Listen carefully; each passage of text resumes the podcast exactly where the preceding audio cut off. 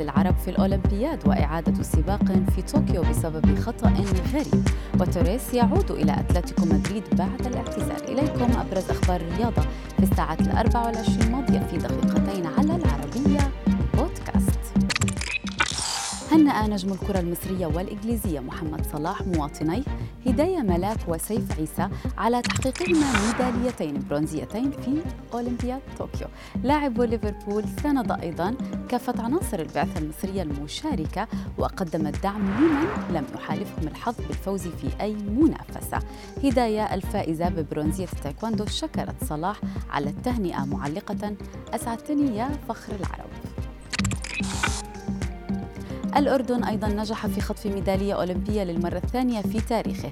هذه المرة فضية ومن نصيب صالح الشرباتي في رياضة التايكواندو أيضا. قبل خوض صالح النزال الأخير احتفلت عائلته بطريقة جنونية لضمان ولدها ميدالية أولمبية. قبل ذلك نجح الكويتي عبد الله الرشيد في تحقيق ميدالية برونزية في الرماية بعد حلوله في المركز الثالث في المنافسة.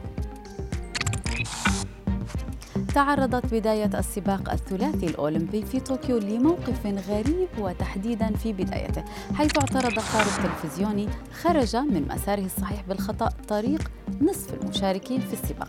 لتتم إعادة السباق الذي ضم 56 مشاركا في البداية. بعدما أعلن اعتزاله اللعب عاد النجم الإسباني فرناندو توريس إلى ناديه أتلتيكو مدريد لكن هذه المرة كمدرب. توريس الذي صور اليوم وهو يخوض حصته التدريبية الأولى رفقة النادي العاصمي استلم قيادة فريق الشباب بالنادي توريس كتب على تويتر تشرفني وتسعدني العودة إلى بيتي.